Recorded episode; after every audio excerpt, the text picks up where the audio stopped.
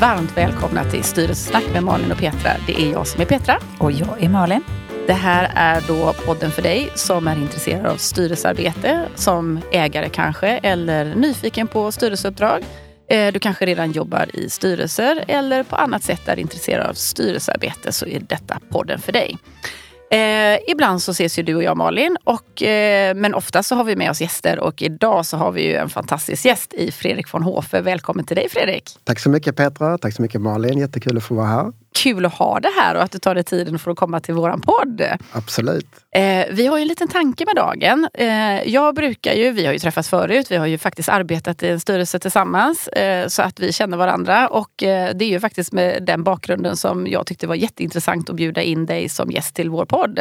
Eh, och jag brukar säga att du har svart bälte i förvärv.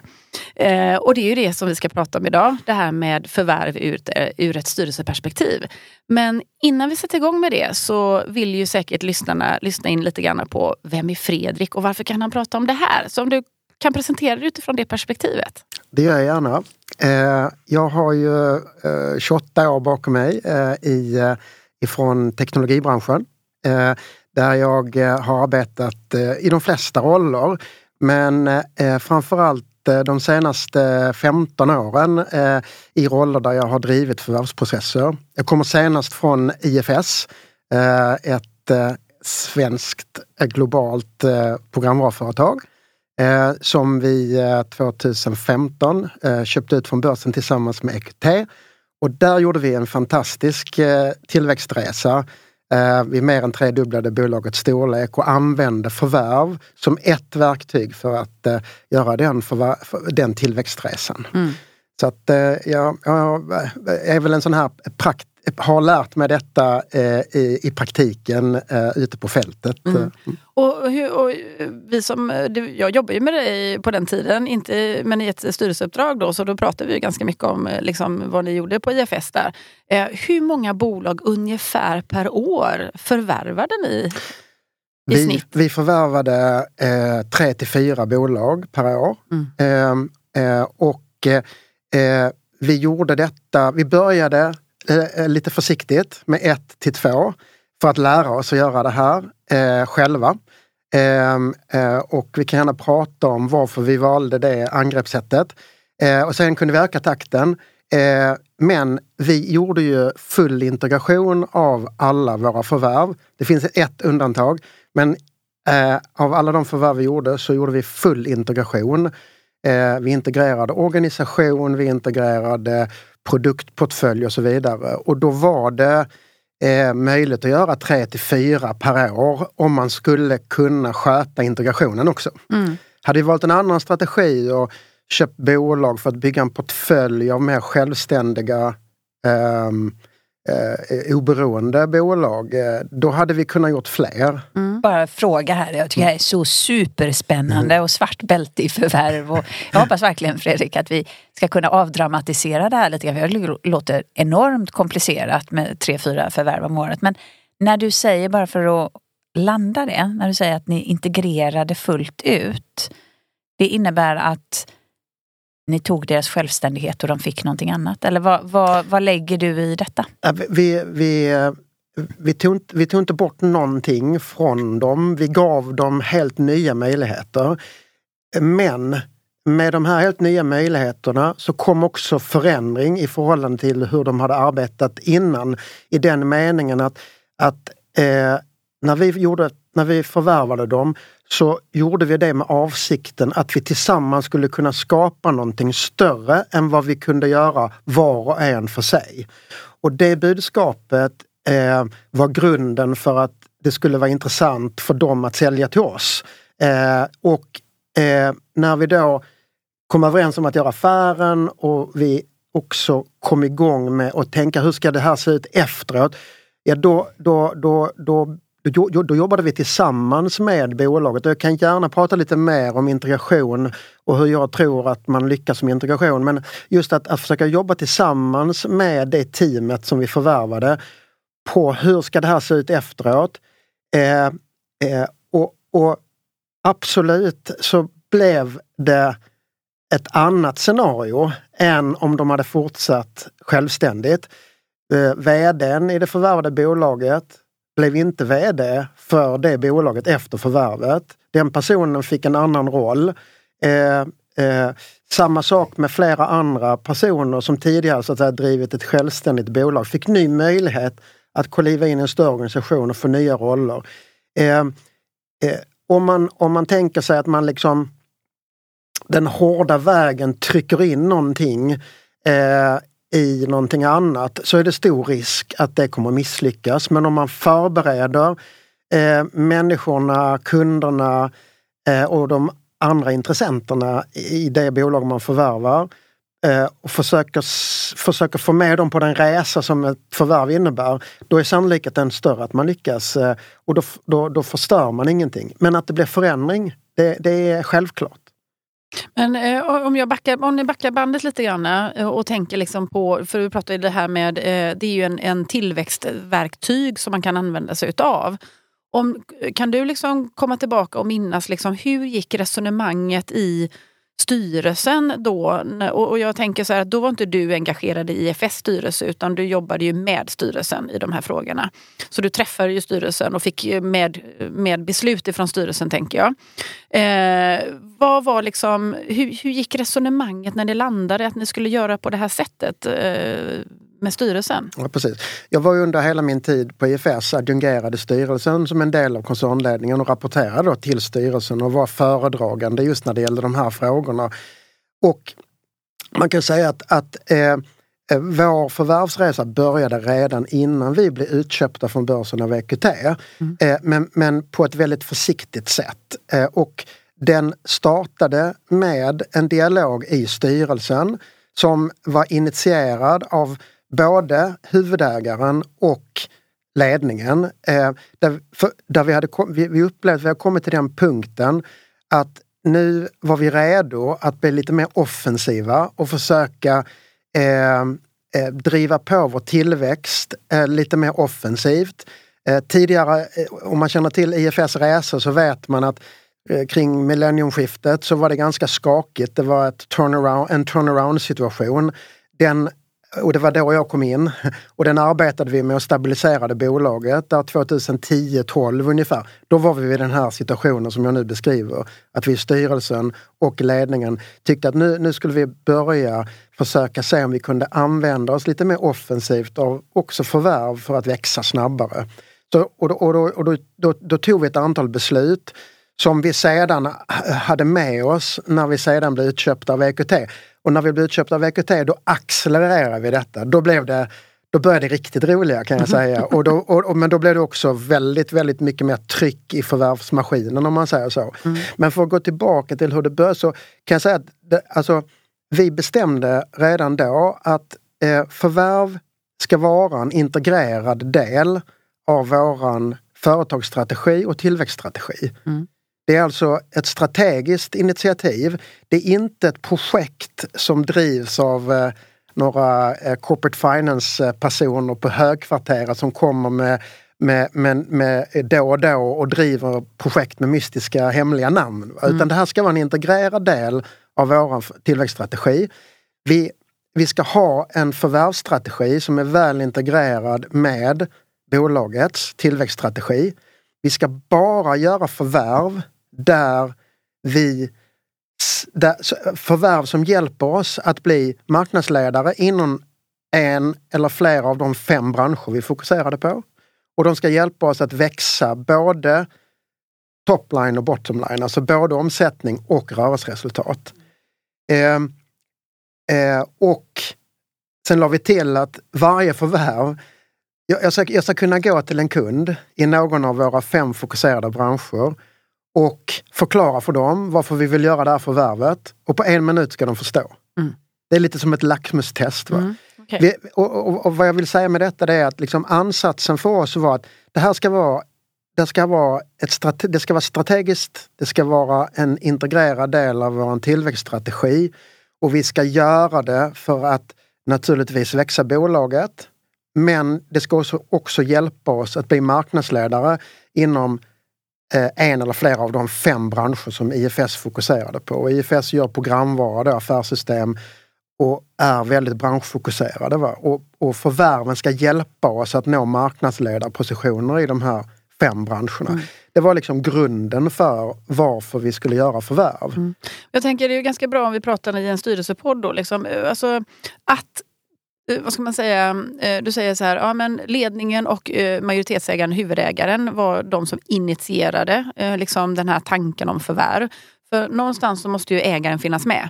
En styrelse kan ju inte bara rakt av liksom, ta ett beslut och säga liksom att nu, nu ska vi börja förvärva bolag här. Utan där måste man ju ha ägaren med. Så det kan väl vara bra att ha med sig i, i en sån här podd. Att, ja, ägaren måste ta ett beslut här. Absolut. Och, och, och, och, och IFS är ett bra exempel därför att när vi var börsnoterade, vilket vi var fram till början av 2016, eh, eh, då hade vi en stark och bra huvudägare som hade hjälpt bolaget genom en väldigt svår period.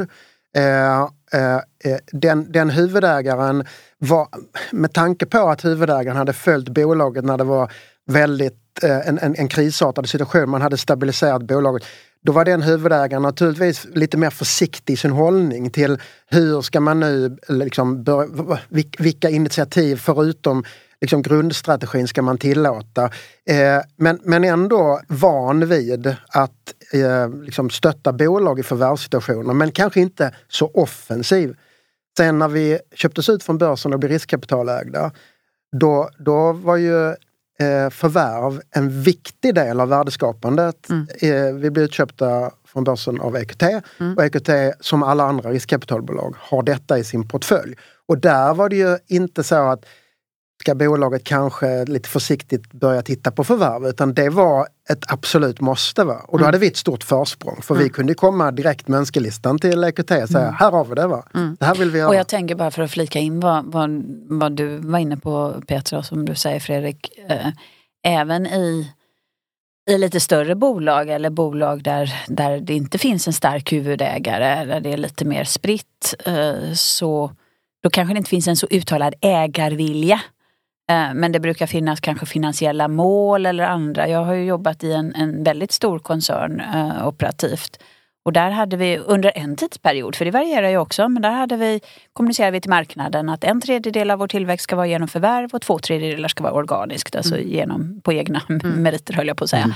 Mm. Um, så att man behöver ju, det här är applicerbart både för stora och små bolag. Det, ja, det, det, det tänker jag. Mm. Och jag menar, eh, pratar vi om kanske liksom lite mindre bolag eller ägarledda bolag och mm. med, med, lite synliga, mer synliga ägare så, så kan ju så, så, kan ju de vara ganska tydliga i det. Mm. Annars så är det väl att eh, styrelsen tillsammans med ledningen upprättar liksom någon form av eh, strategi och, och, och, för att uppnå den strategin så är ja, det här som precis. Det finns gäller. ett ägardirektiv och så mm. ser man att ja, man, man ställer det ägardirektivet mot ja, men hur, kan vi, hur kan vi möta det här? Ja, men då är förvärv en del. Men, men då funderar jag Fredrik på um, du hade de här fem kategorierna, du visste liksom vad du skulle matcha eller ni skulle Själva sökprocessen är jag så nyfiken mm. på. Ja, hade du den här önskelistan eller, eller ja. ringde du någon mäklare? Alltså, mm. hur, hur hittade du? Jag, jag, tänker så här va, att när man har bestämt sig för att förvärv, vi ska använda förvärvsverktyget för att växa vårt företag. Eh, då tror jag stenhårt på att man bestämmer sig för att det här ska vi, precis som vi är, är liksom, eh, eh, har kontroll och, och bestämmer av hur vi ska göra försäljning och utveckling och, och alla andra viktiga funktioner så ska vi också klara av att driva förvärvsprocessen inifrån firman. Va? Vi, ska, vi bestämmer oss för det. Vi ska inte lita på och bli beroende av externa rådgivare, eh, mäklare eller vad det nu kan vara. Utan vi ska, precis som allt annat som är viktigt för oss, driva detta själv. Och och, det behöver inte vara att man från början sätter upp ett förvärvsteam eh, men, men, i alla fall att man bestämmer sig för i ledningen att någon eller några ska allokera tid för att försöka dels bygga upp en förmåga att göra förvärv och sen börja leta efter, eh, efter lämpliga förvärvsobjekt. Och då och då är det egentligen, jag, jag tycker inte det är något annorlunda. Jag, jag, ser på förvärv och förvärvsprocessen som affärsutveckling. Eh, eller kanske lite som försäljning. Alltså, du, du, när du har bestämt dig för hur din förvärvsstrategi ska se ut, då bestämmer du också dig för vad är det för typ av företag som vi vill förvärva för att det ska passa in i vår företagsstrategi. Och jag gör en profil på önskade bolag som jag vill förvärva. Eh, ungefär som du, du, du, du, definierar, det här är min, det här är min målkund. Va? Nu, nu, nu, är det, nu definierar du ditt målbolag. Så här, så här vill vi att det här ska, bolaget ska se ut. Och då har du det lite som din mall och sen så, så startar du eh, sökprocessen. Va? Och det är lite som i försäljning. Du går ut och tittar på, okej okay, vilka geografiska marknader har vi bestämt att vi vill växa i? Det är där vi ska leta förvärv. Eh, eh, och sen har du eh, bestämt dig för vad det är för typ av företag du vill förvärva. Eh, och, och, och sen börjar du lära dig marknaden. Eh, och Det kan man göra på många olika sätt. Alltså, Alltifrån att eh, du gör liksom en skrivbordsundersökning som start. Du, I vår bransch finns det branschanalytiker som följer branschen och gör olika typer av rapporter eh, där man kommenterar olika typer av företag i branschen. Det är en bra eh, kunskapskälla. Eh, men också prata med dina konsulter, dina säljare, eh, andra andra personer i din firma som rör sig ute på marknaden och det viktigaste av allt, var ute på fältet och träffa företag. Vi, vi, jag la varje vecka eh, la jag tid på att vara ute och träffa bolag. Eh, bolag som passade in på våran eh, målbild för vad vi ville förvärva. Eh, ofta långt innan de var till salu lite som i försäljning, alltså man vill ju träffa kunden innan de har tänkt att upphandla. Så du kan vara med och påverka hur upphandlingen ska se ut. Här är det samma sak. Va? Man vill gärna träffa och bygga broar och kontakter med ägare av bolag innan de är tänkta, innan de har själv tänkt att de ska eh, säljas. För att då, kan du, då får du chansen att kommunicera dels vilket företag eh, du är och du får chansen att, att, att berätta om eh, eh er kultur och era visioner, vad, vill, vad, vad ni vill uppnå och du, du bygger upp mm, relationer. Eh, och, eh, och, och, och, och sedan kan du baserat på det, eh, när det sen blir dags, du kan, du kan till och med locka fram och skapa en bilateral försäljningssituation ehm, eh, det är inte alltid jättelätt men det är möjligt om du, om du är så att säga eh, eh lite enträgen samtidigt som du har ett bra budskap. Eh, ehm, men blir sen bolaget till salu, då har du en enorm fördel. Säljaren känner dig redan och, och, och, och, och du kommer ha en stor fördel liksom i säljprocessen. Men att, att vara ute på fältet och försöka lära känna bolag som du tror kan passa in och lära dig marknaden. Det, är, det, det är en...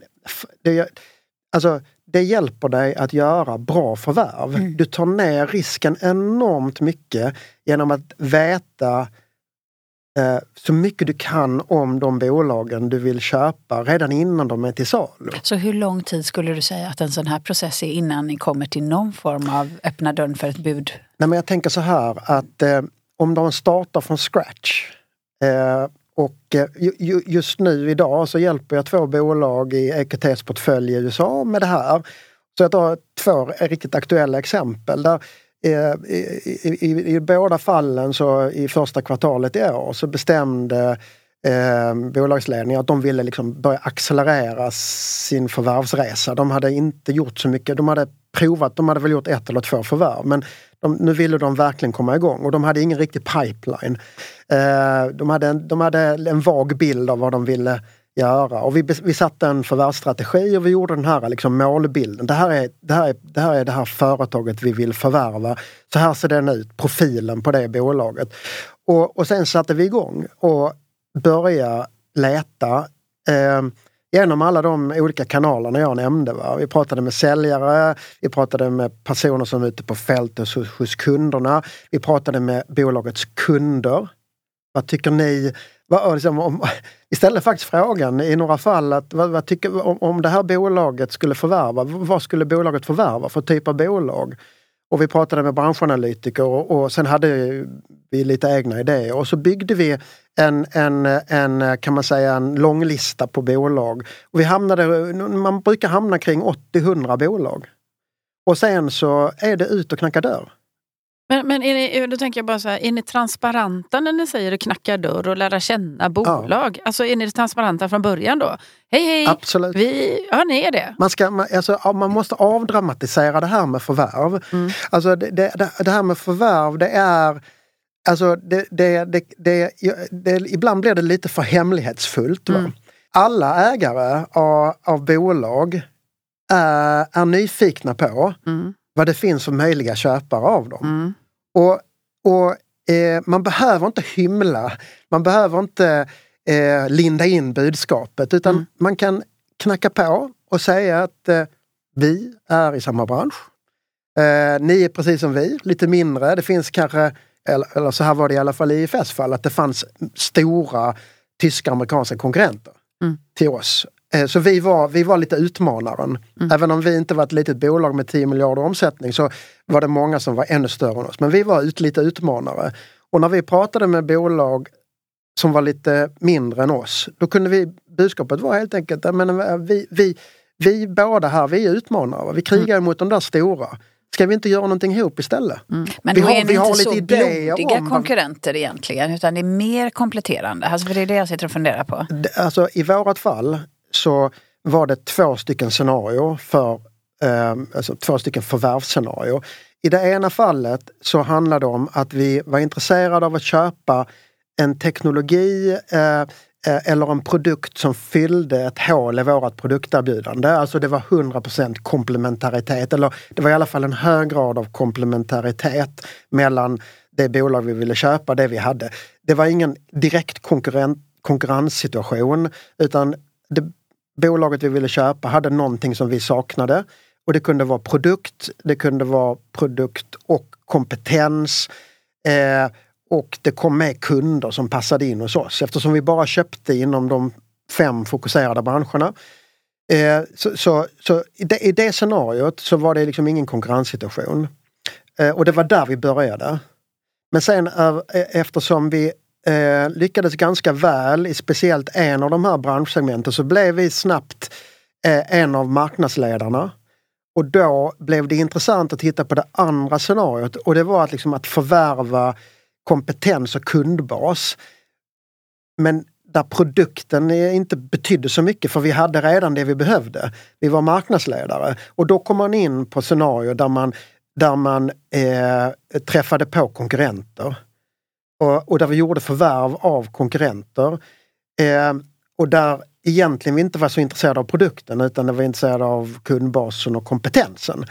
Eh, men även där var vi, var vi eh, helt öppna med att eh, eh, vi, vi är marknadsledare, ni, ni, eh, ni är en betydligt mindre spelare, ni har människor som har precis den kompetensen vi behöver. Era kunder, alltså i många fall var kunderna ju lite oroliga över att vara beroende av en ganska liten leverantör. Eh, eh, och eh, om de kommer in i våran kundbas och får jobba med oss som är en stor, lite större leverantör så kommer det kunna ge större trygghet inför framtiden. Och eh, du vet i många fall eh, eh, så kämpar ju ägarna och grundarna med eh, liksom att, att försöka växa eh, eh, i en bransch där man, eh, där man kanske hade börjat halka lite efter.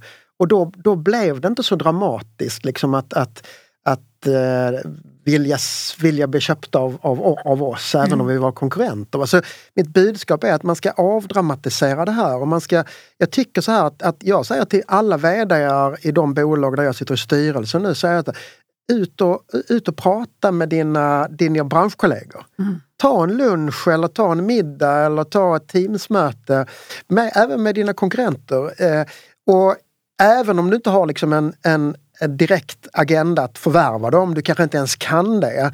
Men prata med dem, eh, bygg relationer. För du ska se, du kommer upptäcka att det, där är, det, det, det är många som är väldigt intresserade av att ha den typen av liksom, dialog och mm. bygga den för att alla funderar på Ska jag köpa något eller ska jag sälja något? men, men då tänker jag så här, vi pratade om det lite grann innan vi satte på mickarna här då. eh, Det, här med, det finns ju de som är troende på förvärv eller tänker att det är, det, är, det är ett bra verktyg. Men sen finns det de som är lite rädda för förvärv. Vad säger du till dem? Alltså Mm. vad, hur, hur ehm, eh, för de kan vi faktiskt möta. Vi, vi i styrelsen kan ju möta ägare som är väldigt rädda för kanske förvärv och vad det, vad det innebär. Och kanske lite mer, nej vi, vi, vill, vi vill bara växa organiskt. Vi ska inte förvärva bolag utan Nej. vi ska växa av egen kraft. Eh, eller det kan finnas andra i styrelsen. Eller ja, men vi möter det att vi alla är inte lika på på den frågan. Nej. Vad säger du till dem? Nej, men då, då, då, då, å ena sidan så säger jag att då, eh, om, om de har eh, i sin hi- historia ett antal negativa upplevelser av förvärvssituationer, misslyckade förvärv, Mm.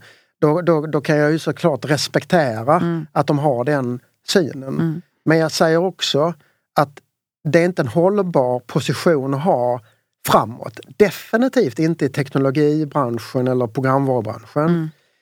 Där är det inte en fråga om vi ska göra förvärv eller inte utan där är det en fråga om hur många förvärv ska vi göra? Alltså lite krasst är det så. Mm. Eh, eh, tittar, man hur, tittar man hur amerikanska programvarubolag resonerar. Redan, där, redan när de når en omsättning på 100-150 miljoner så har de diskussioner med sina ägare eller med sin styrelse om förvärv och hur de ska göra förvärv. De kanske inte har kapaciteten ännu att göra det själv men de har det på sin agenda. Mm. De, och, och så fort de får möjligheter så, jag general, generaliserar lite Mm, men, det, men det är så här. Mm. Alltså, det, man, man ser det som, som, som ett verktyg precis som andra verktyg man har för att växa bo, sitt bolag. Och jag säger till den ägare som säger att nej jag vill inte göra, jag vill inte ens titta på förvärv. Att hur kan du lämna ett viktigt verktyg för tillväxt åt sidan? Jag, jag, alltså, jag, jag, jag kan inte riktigt Det är inte alltid man förstår vad en ägare tänker. Nej, eh, Eh. och, och, och, och jag kan säga så här då liksom att, att ja, alltså förvärv kan absolut vara riskabelt men det kan också vara väldigt, väldigt hanterbart om man gör det på, på, på rätt sätt. Och det finns bra och intressant forskning på detta område. McKinsey har gjort en stor studie i USA som är ett par år gammalt som visar att eh, eh, förvärv kan vara både riskabelt och eh, mindre riskabelt och bättre värdeskapning vär- ur ett värdeskaparperspektiv än att inte göra förvärv alls. Mm. Och den modell som eh, pekas ut som den bästa och den som jag har praktisk erfarenhet av det är att göra förvärv, göra små förvärv regelbundet med eh, kompetens inne i den egna firman. Om man, om, man, om man har den ansatsen till förvärv, alltså man har precis som vi sa innan, bestämt sig strategiskt i styrelsen att man ska göra förvärv, man har en förvärvsstrategi, man vet vad det är för typ av förvärv man ska göra. Sen när man praktiskt gör det så gör man förvärv regelbundet. Det är inte ett projekt som sker då och då utan det är en process. Mm. Eh, och man köper mindre bolag än det egna bolagets storlek. Och man brukar säga 10-15% av omsättning, av din egen omsättning. Den typen av storlek, då är det mindre förvärv. Det gör man regelbundet med egen kompetens. Så, så du bygger in det i din egen verksamhet. Dina, dina medarbetare, din ledning vet, lär sig hur man ska göra detta. Då är risken låg. Då tänker jag så här, när du pratar om det här teamet och den egna, alltså den inre kunskapen och kompetensen. Vad är det för kunskaper och kompetenser man behöver för att faktiskt eh, ha detta som en, en process? Alltså, eh, eh, stö- större bolag brukar ha förvärvsteam. Mm. Eh, jag säger att man måste inte ha ett förvärvsteam in-house för att bli duktig på förvärv. Eh, eh, det underlättar absolut om man i bolaget, i, ledningsgruppen eller, eller rapporterande till ledningsgruppen har en person som har rätt kompetensprofil. Eh, och det kan vi diskutera lite vad det är för typ av kompetenser som är bra att ha. Men, men en, en person som kan lägga tid på det här. Va? Mm. Och det måste inte vara en person som har gjort massor av förvärv tidigare. Eh, Det behöver inte vara en person som kommer från, från liksom, eh, corporate finance eller bankingvärlden. Det kan vara det, men det måste inte vara det. det. Men att man i alla fall har en person som har möjlighet att lägga tid på det här. Men vad, vad ska den personen kompletteras med? För jag antar liksom att det är lite...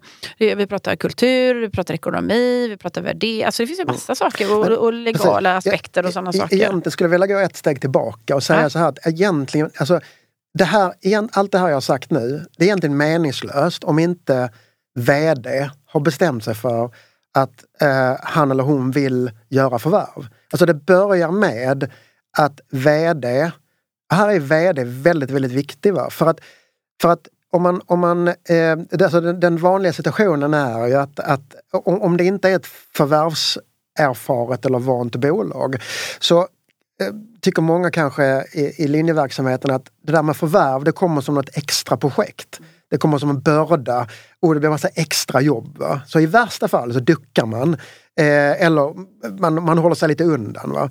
Eh, och då hjälper det inte om man, om, man, om man säger att vi har nu tillsatt en person i, i vår ledningsgrupp som ska jobba med det här på heltid. För, och det hjälper inte om inte VD Backa det. Väldigt tydligt har sagt att det här, det här ska vi göra. Eh, och artikulerar väldigt tydligt varför. Är en missionär för att förvärv och förvärvsverktyget vill vi använda precis som alla andra verktyg i vår verktygslåda för att växa bolaget. Alltså det, måste, det måste finnas på plats. Va? Men kan vi inte bara backa ännu lite mer? Mm. Ehm, för då hade du din, din plan. Ehm, och sen har du varit inne på att vd ska äta lunch och middag med, med andra vdar. Ehm, men sen är det ju ändå en ägare på den andra sidan som säljer ett bolag. Så att när du har din wishlist och är på IFS, vems dörr knackar du på då? Då, då vi, vi knackade alltid först på VD-dörren. Okej? För att För om inte vd är vi- med så är det ingen idé att prata med ägaren. Precis, va? Vi, vi ville göra detta den vänliga vägen. Det var i alla fall startpunkten. Trots att du vet att vd sen, som du sa tidigare, kommer att få ett annat jobb. Absolut. Mm. För så att- det är att- vd, trots att det inte är vdn som fattar det här beslutet oftast, om det inte råkar vara samma person som äger bolaget, så är det vd du måste övertyga. Vi ville alltid försöka göra det här förvärvet utifrån liksom ett, ett, en vänlig ansats. Det vill säga, Mm. vi vill sälja in varför det skulle vara riktigt bra för er att komma till oss och vara med på den resa vi vill skapa. Även om det innebär massa förändringar för er så är det ändå bättre. Det, det budskapet ville vi sälja in eh, och, och, och, och eh, för, förankra. Och, då vill, och vi ville ha i, våra, I vårt fall så förvärvade vi bolag där talangerna och kompetenserna och människorna var viktiga för oss. Eh, eh, och och, då, och då, då, ville vi, vi, då, då ville vi försöka och försöka få med managementteamet tidigt på det här. Okej. Det var inte alltid det gick. Det var några situationer där, där Nej, men där, äh, ledningen kände liksom att nej, men vi, vi vill nog fortsätta själva. Och ja, då är nästa steg att prata med, med ägarna. Så då ger du inte upp och Nej, säger, nej, utan då, då är det... Då, Vi ger inte upp. Nej. Men, men vi vill börja, vi vill börja på, på, på ett sätt som, gör det, som ökar chanserna Ja. och möjligheterna att få med liksom, Så ledningsteamet. först vd, bygga relation med vd, vd säger ja och sen ägarna. Om man går direkt på ägaren, då går man ovanför VDs huvud.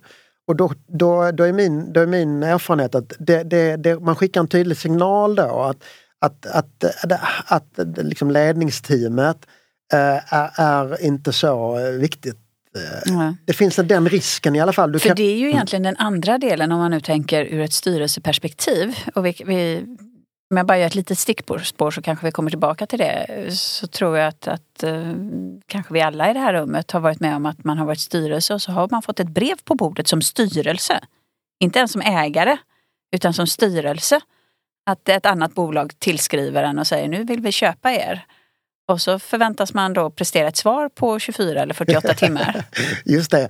Och, och, och, och då, ska man, då ska man aldrig låta sig stressas. Men det är, en- det är, det är en annan situation. Eh, eh, och, och det, det, Men det är liksom olika ingångar. Absolut, det är vd, det är ägare, det är Men då, då, styrelsen. då, är det så här då, tycker jag, va, att ehm, det beror på eh, om, om, om, om jag som styrelseordförande får ett brev eh, liksom eh, eh, out of the blue. Mm. jag ingen aning om att det fanns en intressent där ute. Intressenten har inte pratat med ledningen i, mitt, i bolaget där jag är styrelseordförande. Utan jag får bara ett brev. Va? Alltså, jag, jag, hade, jag hade ju känt att det här uh, det här är jag ju definitivt ganska tveksam till. Va? Eh, och jag, jag kommer inte göra någonting förrän eh, jag har träffat och fått lyssna på de här personerna som skickar det här brevet på det här sättet. Va? Eh, jag, jag, så så jag, jag, tycker så här där, liksom att där kan man eh, eh, trycka tillbaka det till eh, avsändaren och säga att eh, eh, den här typen av initiativ, den, de vill vi ju diskutera liksom eh, ansikte mot ansikte. Va? Och, och, och på det sättet kan man ju börja med att köpa sig lite tid. Va? För att han, kunna hantera situationen. Sen får man ju då naturligtvis informera både ledningsgrupp och, och, eh, eller VD i alla fall och ägaren om att det här brevet har kommit. Va? Och, och, och eh, men jag tycker man ska avkräva en sån avsändare eh, lite, lite mera substans eh, det... än, än, bara skicka ett brev. Är man noterad mm så är det ju en annan situation. Mm. Eh, eh, och då man, om man då är noterad och har en spridd ägarbild, va? Då, då behöver man ju fundera över hur man ska hantera det där. Jag tycker att man ska aldrig eh, känna sig... Man ska, och, och jag menar, där, där, har man tidsgränser. Eh, jag tycker inte man ska, ja, man ska köpa sig tid. Eh, och eh, när det gäller den situationen i noterade bolag så kan man ju förbereda sig va? genom att ha till exempel en relation med en bra finansiell rådgivare som man kan hänvisa till. Och de kan hjälpa dig att köpa tid så att du kan diskutera det här med ledning. Du kan diskutera det kanske om det finns en huvudägare för att man sedan ska kunna bestämma sig om det här är eh, attraktivt värdemässigt och genomförbart. Så att man ska tillåta en bolagsgenomlysning och så vidare. Eh, men för det, där måste jag säga, jag som då är ordförande i onoterade bolag, jag får ju alltid frågan till mig. Det är väldigt sällan den frågan kommer via VD. Jag vill säga. Och, och där kanske liksom styrelsen generellt sett inte tycker alls att man ska blanda in VD i den frågan till, till att börja med, utan snarare ägarna i den frågan. Ja. Eh, att styrelsen själva ska ha någon slags uppfattning och sen att man blandar in ägarna. Så att det är jag mest van vid. Inte att den frågan kommer via VD. Nej. Om och, inte VDn är ägare. Och, och, det är inte så att, eh, det gjorde inte vi heller och jag skulle inte rekommendera att man för fram så att säga konkreta bud eller liknande via VD. Absolut mm. inte. Det är helt fel. Mm. Det är ägarna som ska få konkreta, det de ska få budbrev. Mm. Och ett budbrev, det är det som gäller. Allt annat är bara prat. Mm. Det är när det är nedskrivet, då finns det. Mm. Annars är det bara varmluft. Mm. Men man det, men, och, och, detta är min erfarenhet från riskkapitalvärlden och jag jobbar ju med ett antal riskkapitalbolag nu där vi också är involverade i de här situationerna. Och vi går alltid och pratar med ledning och management. Vi talar om det för ägarna men det är inte dem vi träffar först. Mm. För vi vill jobba med ledningen för att skapa någonting nytt. Mm. Mm. Och, och, och eh, det sker såklart med ägarnas liksom, goda minne. Skulle de säga träffa inte våran ledning eller ni får inte till, att vi får inte access då. Nej, nej, nej. Men om man nu säger så här att man är i, i, i, styrelsen här då så eh, kommer man fram, man jobbar strategiskt, man kommer fram till att liksom, ja, men förvärv är intressant, den ska vi liksom börja titta på. Eh, och så kanske vi inte har så himla mycket erfarenhet själva i styrelsen, ägare och vd och ledning och så här då. Var börjar man någonstans tänker jag då? Alltså vad, vad rekommenderar du att man ska göra i den situationen när man är lite rookie? Ja, ja, ja, man, alltså, om man tar det ur ett styrelseperspektiv mm. så kan man ju... Okej, okay, du tänker på kort sikt så alla är med, vi ska förvärva, ja. så det har vi redan bestämt. Ja. Så ägarna är med på det, det. Och, och, vi ska nu, nu ska vi liksom... För, för jag tänker så här va, att, att i en modern styrelse så har man tänkt igenom vad det är för kompetens som man behöver. Och jag, och jag, jag tänker att det bör finnas i varje styrelse någon som har erfarenhet av detta. Och det behöver inte vara att man har varit liksom förvärvschef men att man har varit involverad i förvärvssituationer. Att man har kanske varit eh, i VD, finanschef, eh, funktionell chef i något bolag som har gjort en del förvärv, som har lite vana. Det tycker jag varje modern styrelse ska ha eh, eh, i alla fall i bolag med viss storlek, ska ha den typen av kompetens. Vad är viss storlek för dig? Nej men jag, alltså, som jag sa, liksom, hade jag varit i USA i programvarubranschen så hade, ju, hade jag sagt 200-300 miljoner i omsättning. Mm. Va? Mm.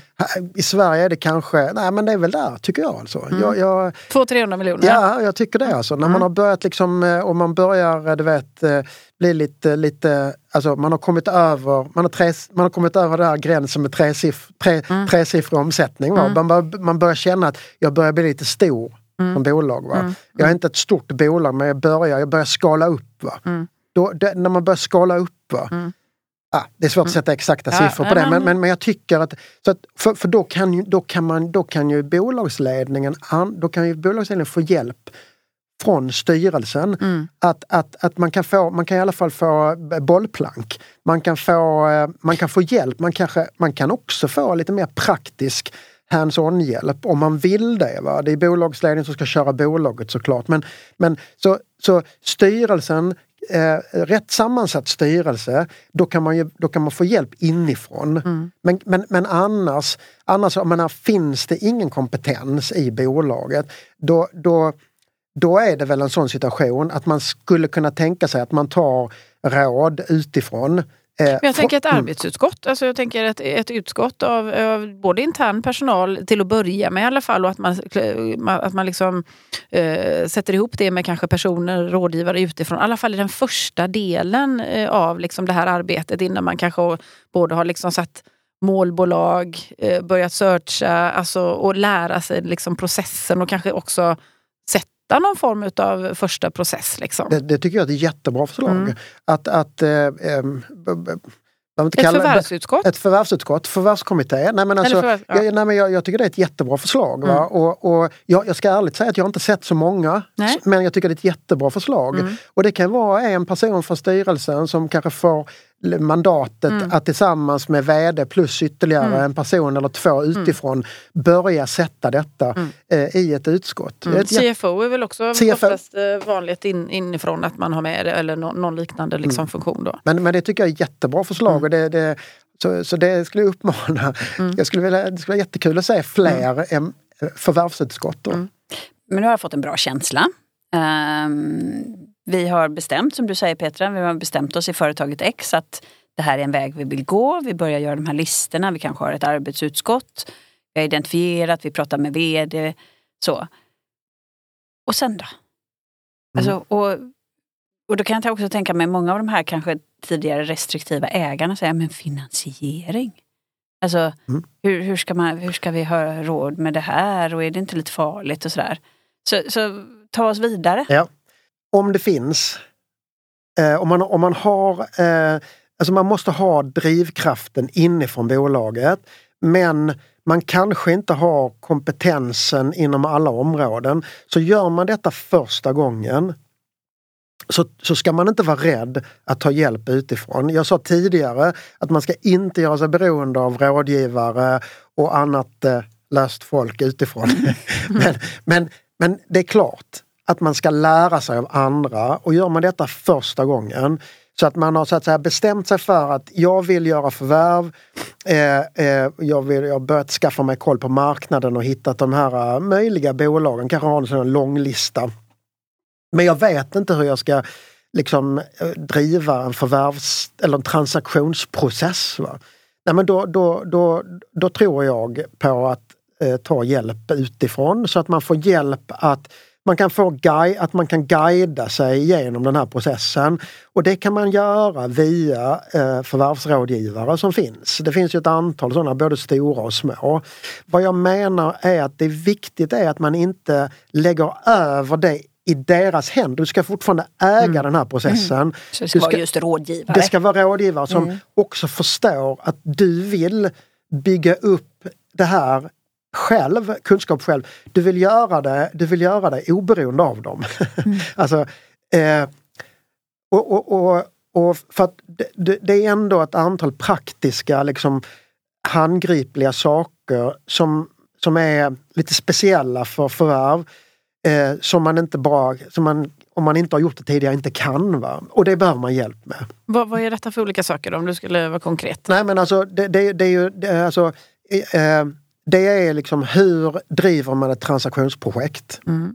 Och, och eh, Eh, hur, eh, liksom när man har kommit dit, alltså det, vem som helst kan ju göra den här listan med bolag man vill köpa. Man kan också ta kontakt med bolagen och kanske bygga, bygga en relation. Och, eh, eh man kan formulera och, liksom, och sälja in en vision om vad man ska åstadkomma framåt. Men sen kommer till den punkten att nu vill jag lägga ett bud.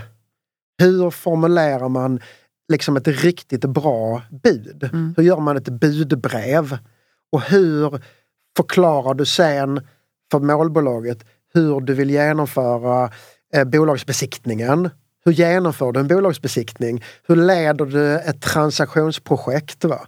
Och hur förhandlar du sedan ett avtal, ett köp och säljavtal? Mm. Och det där är ju, det där är liksom, det är det är ett kompetensområde, ungefär som att man är duktig på att leda försäljningsprojekt eller konsultprojekt och så vidare. Och den, den kompetensen den har man kanske sällan i bolaget. Va? Och det behöver man hjälp med. Och eventuellt konkurrenslagstiftning kan jag tänka mig också. Absolut. Det är mycket legala och det är mycket finansiella frågeställningar som man kanske inte har kompetens om inne i bolaget.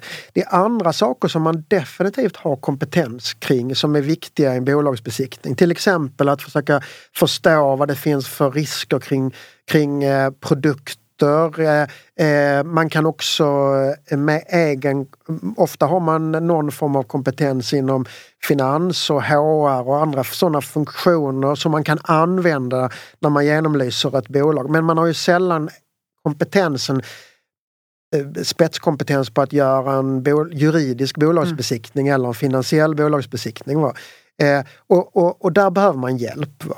Men, men att, att, att börja med att kanske få in rådgivare som kan hjälpa en att liksom hand, handgripligen hålla en i handen när man, och leda en genom den första transaktionsprocessen. Mm. Va? Från det att man formulerar ett bra eh, proffsigt budbrev, indikativt bud. Va? Mm. Och sen då eh, om man då förhand, och, och sen förhandlar det och sen dokumenterar det i ett, i ett intentionsavtal och sen starta bolagsbesiktning och bla bla bla. Och bolagsbesiktning är det vi kallar due diligence, due diligence också. Precis, mm, precis. precis. Men, men, det som Malin är inne på här då med, med liksom när man ska titta på det här med finansiering av sin, sitt förvärv. Liksom. Vilka förutsättningar måste man ha som liksom, lägst, tänkte jag säga, för att eh, det, man ens ska kunna liksom, tänka sig att, att vara i den fasen att man kan faktiskt tänka på förvärv? Nej men alltså man måste ju naturligtvis, man måste ha en, en ägarsituation där man eh, har möjlighet att finansiera förvärv. Och man måste ju ha en ekonomisk situation eh, som gör att man eh, kan finansiera ett förvärv. Och finansiera förvärv kan man göra på olika sätt. Man mm. kan naturligtvis göra det med den egna kassan. Mm. Man kan göra det i, genom att man tar eh, och ökar sin belåning på mm. olika sätt. Eh, eh, eh, eller så kan man ju använda sina egna, sitt, sitt, sina egna aktier mm. som, som en valuta i, i ett förvärv. Eller kan man kombinera de här sakerna. Vad är mest, och, vad är mest vanligt i, i din alltså, erfarenhet? Ja, men, men, alltså det, det, det mest vanliga är ju en kombination av att man använder den egna kassan och belåning. Mm. I goda tider i teknologibranschen så var det ju väldigt populärt att använda de egna aktierna också eftersom att det fanns en möjlighet att det var liksom en inbyggd värdeökningspotential mm. i en aktie i ett teknologibolag 2019. Va? Mm. Och det kunde då vara attraktivt att lägga in i mixen, uh, i, i köpeskillingsmixen för, för, en, för en säljare.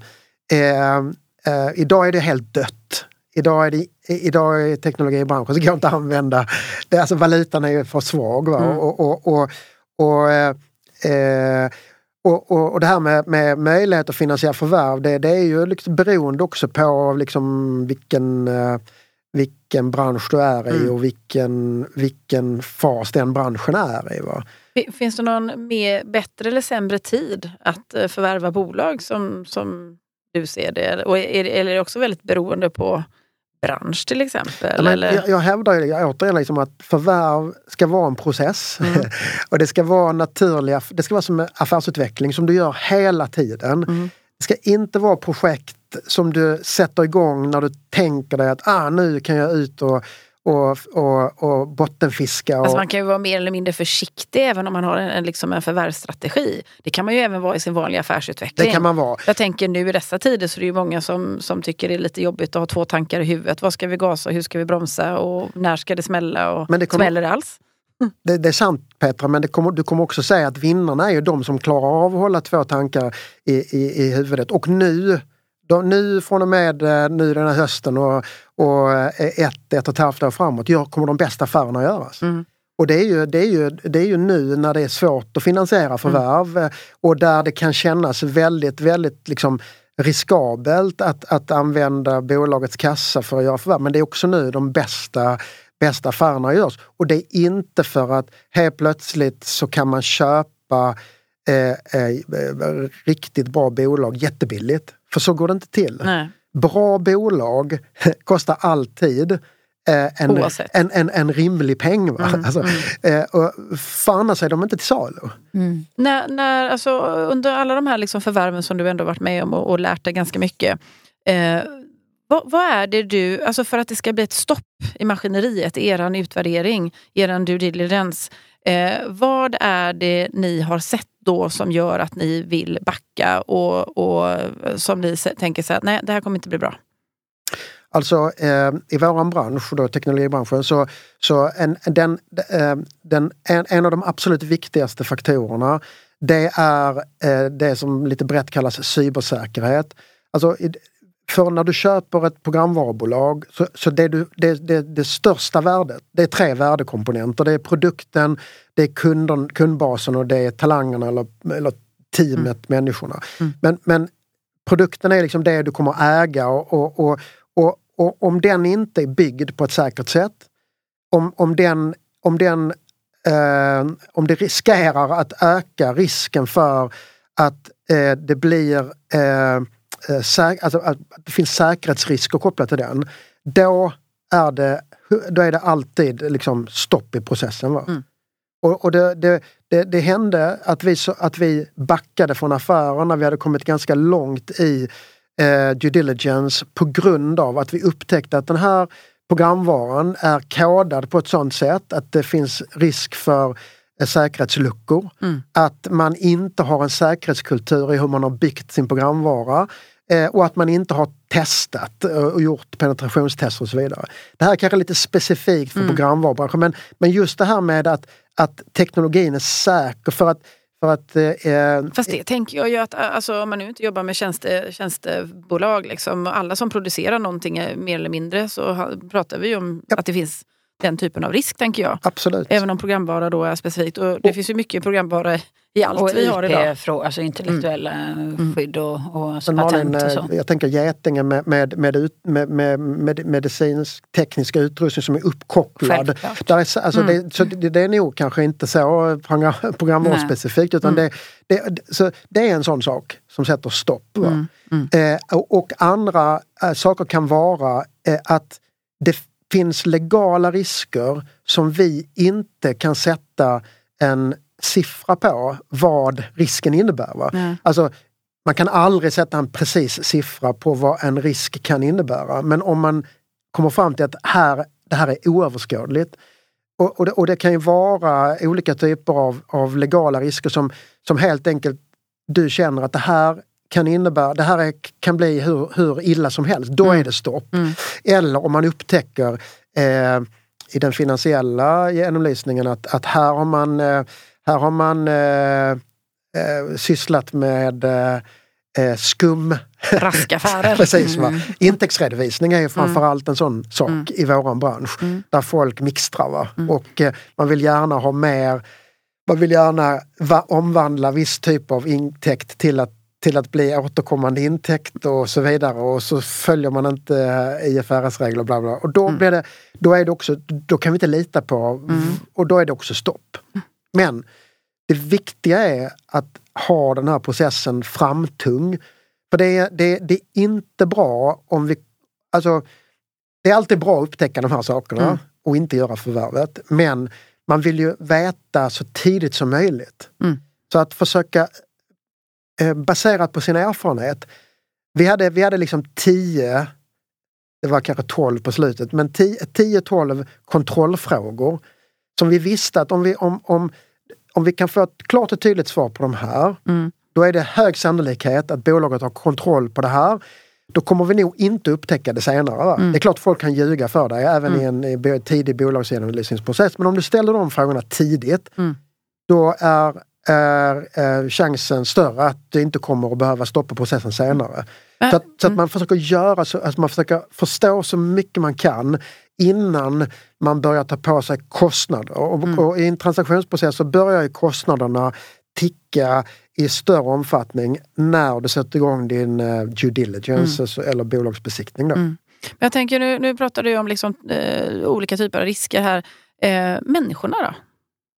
Det har du inte pratat om. Finns och det risker? kulturen, det- tänker jag. ja, alltså, och- och- och människor-. För, och, och liksom, eh, mä- människorna är, alltså, i, i min bransch, programvarubranschen, är ju en människobransch. Va? Mm. Det är människorna som bygger programvarorna. Så, att, mm. så att, men, men Du skulle kunna ha check, check, check, check på alla de här grejerna. Japp. Och så pratar vi om full integration. Japp. Eh, och, och de här människorna behövs ju även efter, efter förvärvet, så att säga. Även om det finns några som får li, lite nya roller och så. Eh, så det måste väl ligga som en, en, en, också en, en del i, ab, i de här frågeställningarna och, och de här checkpointsen. Absolut. Och jag vill påstå att du ska försöka lära dig så mycket som möjligt om bolaget du vill köpa och dess kultur och dess människor innan du bestämmer dig för att du ska lägga ett bud.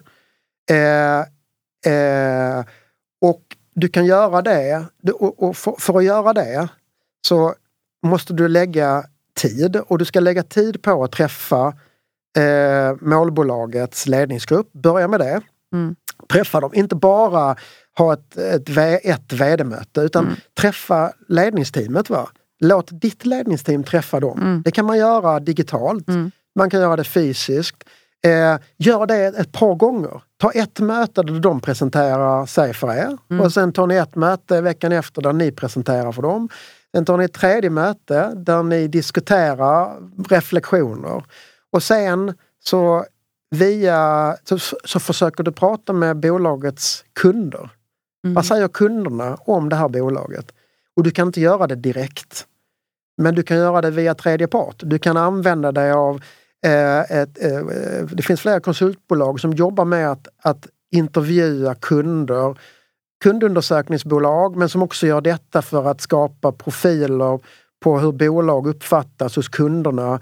Eh, och så kan du den vägen fånga upp och försöka förstå vad är det här för typ av bolag? Vad Mm. säger kunderna om de människorna som jobbar i det här bolaget? Och sen när du, när du, du, du då kommer du en bra bit. Mm. Men du kan ju inte prata med den breda massan. Nej, nej. Och det kan du inte heller göra eh, när du lägger budet. Du kan, det, det är svårt att göra det även när du gör bolagsbesiktningen. Mm. Du, du, du kan kräva att du får träffa lite fler människor. Vi krävde alltid att vi ville träffa några av eh, ledarna i produktorganisationen nedanför managementnivå. Vi vill alltid träffa några från liksom, personalsidan och så vidare. Men du kan inte träffa hela bolaget utan den Alltså att säkra att människorna är med på det här, den breda massan, det gör du när du har lanserat förvärvet och startar integrationsprocessen. Mm. Och då kommer det avgöra, avgöras om du får med dig liksom hela teamet, Mm. hela bolagets personal. Mm. Eller rättare sagt, du får inte med dig glö- Glöm att du får med dig All- 100 nej, nej. Du får inte med dig Mm. 100 det, är- det är, ver- Verkligheten är sån. Mm. Det kommer finnas 10-15 som, Ja, som känner att det här är inte rätt för dem. De Såklart. ville jobba på ett litet bolag, nu kommer det ett stort och köper dem. Mm. Det, så är det. Mm. Men majoriteten Tycker det är eh, spännande. Ja, Mm. och, och, och det hänger på hur har du gjort din integrationsplanering och vilket engagemang lägger du i integrationen? Mm. Och det viktiga är att starta dag ett, direkt efter att förvärvet är annonserat. Då startar eh, eh, arbetet med att bygga ett bolag eh, av de här två. Och det värsta du kan göra det är att du har ett vakuum från att du har lanserat det här förvärvet. Det händer ingenting, händer ingenting. Folk spekulerar, Mm. börjar spekulera mer, Mm. börjar prata, någon har hört någonting. Och mm, folk börjar tänka, vad händer med mig? Mm. Och, och sen så har du en uppförsbacke som är jättebrant. Så att starta direkt och sen kan vi prata länge om det här med kommunikation va? och kommunicera. Du kan aldrig, aldrig kommunicera tillräckligt mycket. Nej. Och du ska alltid tänka att du ska kommunicera mer än vad du har planerat. Mm. Och du ska alltid förutsätta att du ska vara mer tillgänglig än vad du hade tänkt. Och då tänker jag från VD och, och, och, och, och hela ledningsgrupp va? och även gärna ägare om Mm. möjligt. Va? Mm. Eh, eh, och underskatta inte den tid och det engagemang som kommer att krävas. Mm. För det kommer att göra att du får människorna, majoriteten av människorna med dig Mm. eller det blir eh, sådär. Du, vet vad du, vad, vad, du vet i alla fall vad som händer. Ja. Fredrik, jag, innan vi, vi avrundar sen tänker jag också att eh, du, du hade, jag är liksom tillbaka, jag ser den här listan framför mig med alla, alla potentiella eh, förvärvsobjekt. Ehm, vilka dörrar har du inte fått upp? Alltså vad, finns det någon gemensam nämnare på varför de inte öppnade när du knackade på? Och den andra eh, funderingen jag har det är de bolag som ni förvärvar, för det är ju så himla många. Eh, och så inbillar jag mig att ni har en också, eftersom det är en process, så har ni också en process för att utvärdera förvärv så att ni ser att det har landat. När det inte har blivit så 100% bra, vad, vad fallerade då? För de två frågorna, vilka dörrar Mm. öppnade ni inte och vad, vad kan ha blivit mindre bra? Precis. Vi, vi, vi levde ju i, liksom i en värld där vi var aldrig bättre än vårt senaste förvärv kan man säga. Va? Så vi hade hela tiden pressen på oss att ni får fortsätta eh, så länge ni gör bra förvärv. Mm. Det fick inte gå fel. Va? Nej. För vi skulle ju integrera och om vi, om vi in, och, och eftersom att integration, integrationen innebär att många medarbetare i vårt företag blir engagerade i förvärvet och tar emot det. Och köper vi fel bolag då får de massor extrabete och då påverkar det våran egna verksamhet och så går det åt fel håll. Alltså, Jag vill bara säga att, liksom att och jag, och jag, gill, jag gillar nu liksom, lite när jag tittar, eh, liksom, har lite perspektiv på det här, att jag gillar den attityden. Va? Att, att man ska tänka så. Man, man ska tänka att man, man, man, man, man ska mäta sig på det senaste förvärvet man har gjort och man ska ha ambitionen att det ska bli 100% rätt. Sen blir det ju såklart inte alltid det. Vi gjorde, vi gjorde ett 20-tal förvärv.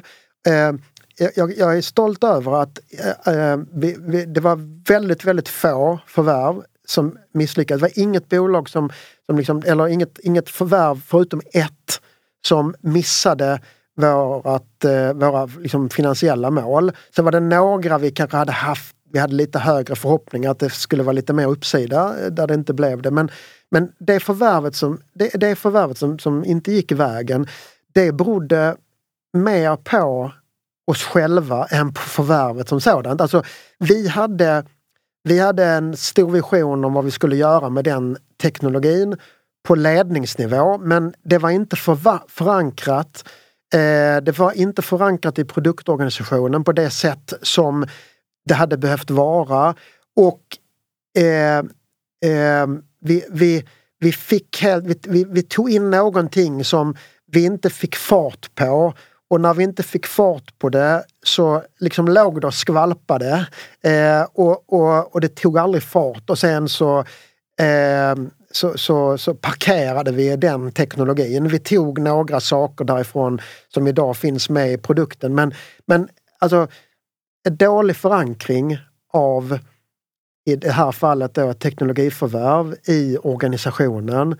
Eh, lite uppifrån och ner intryckt kan man säga. Det, det, det skapade ett dåligt förvärv. Och några dörrar som du inte fick dem att öppna när du kom och knackade?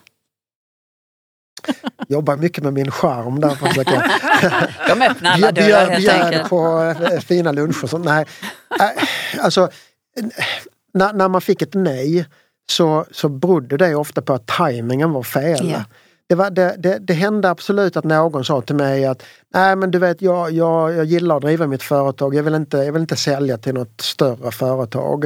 Eh, men det, det, det, det, såg jag mer som en utmaning därför att vi hade ju inte den kulturen som eh, eh, Oracle, Microsoft, eh, Infor, SAP har. Vi, vi var ju utmanaren. Va? Så att där kände jag att det här, jag kan nog övertyga dig om att det här är ganska kul faktiskt. Alltså det här är ganska mycket entreprenöriellt.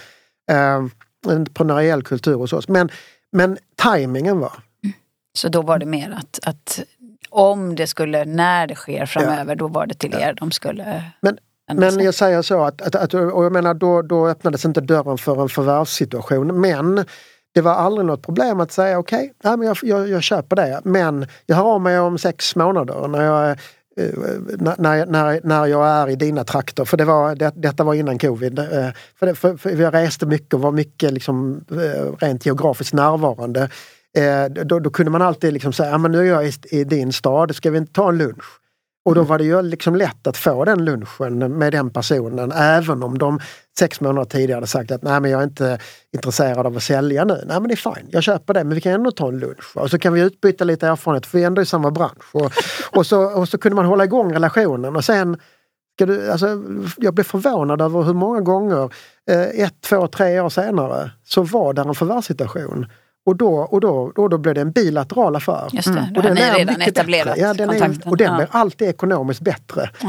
Och säljarna kan vara lika nöjda med den för de vet att de får ett schysst pris. De vet att de får ett marknadspris men de slipper den här uh, auktionsprocessen Mm. med massa rådgivare som de måste ge lite pengar till och så vidare. Mm. Så att det där är värt det men dörren var stängd när jag knackade först och den öppnades inte för en transaktion heller direkt. Jag tänker så här, alltså, det, det går så fort. eh, Och jag, även om vi pratar ganska fort här nu Fredrik också. Det är mycket som vi ska paketera in.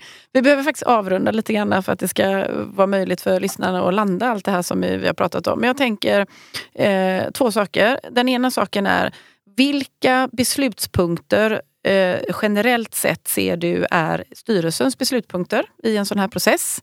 Eh, och sen så tänker jag också, har du några såna här eh, eh, kort medskick, eh, avslutande medskick eh, för eh, våra lyssnare just när det gäller förvärv? Mm. Jag tycker så här, styrelsen ska eh, utmana ledningen med att eh, om, man inte, om man inte är igång och tänker på förvärv, låt oss börja tänka på förvärv. Ja. Vi behöver inte börja köpa några bolag men vi kan väl börja på varje styrelsemöte att ha en kort diskussion om hur ser det ut på marknaden? Mm. Vilka bolag finns det där ute? Mm. Eh, eh, kanske göra en liten lista. Eh, diskutera. Mm. Utmana ledningen om ni inte redan eh, har en förvärvsresa. Det är tipset. Det är tipset. Aha. Och sen så... Eh, Beslutspunkterna för styrelsen, ungefär generellt sett. Vilka, vilka beslutspunkter har en styrelse genom en förvärvsprocess? eh, det, det, det, jag tycker så här att det är två stycken beslutspunkter. Det ena är, eller rättare sagt tre. Det börjar med att bestämma hur ska förvärvsstrategin se ut. Mm. Det, är- det är ett styrelsebeslut, Ja. precis som bolagsstrategin är. Ja, ja. Det andra är, ska vi lägga ett bud på det här bolaget och vad ska vi lägga för bud? Och det tredje är att säga till bolagets ledning efter de har gjort bol, eh, eh, bolagsbesiktningen Mm. eller due diligencen. Mm. eh, ge dem klartecken att skriv på det slutgiltiga avtalet. Mm.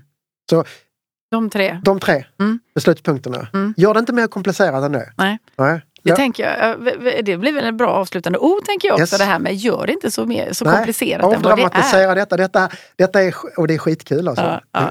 Det hör man på dig Fredrik att du tycker att Och det är man ser det ännu mer om man har förmånen att vara här. Det är liksom bara Ja. lyser i Ja, ögonen på precis. Fredrik. Ja. Men eh, stort tack Fredrik för att du kom hit och att du ville dela med dig. Och, och du har ju mycket mer att prata om, det hör vi ju.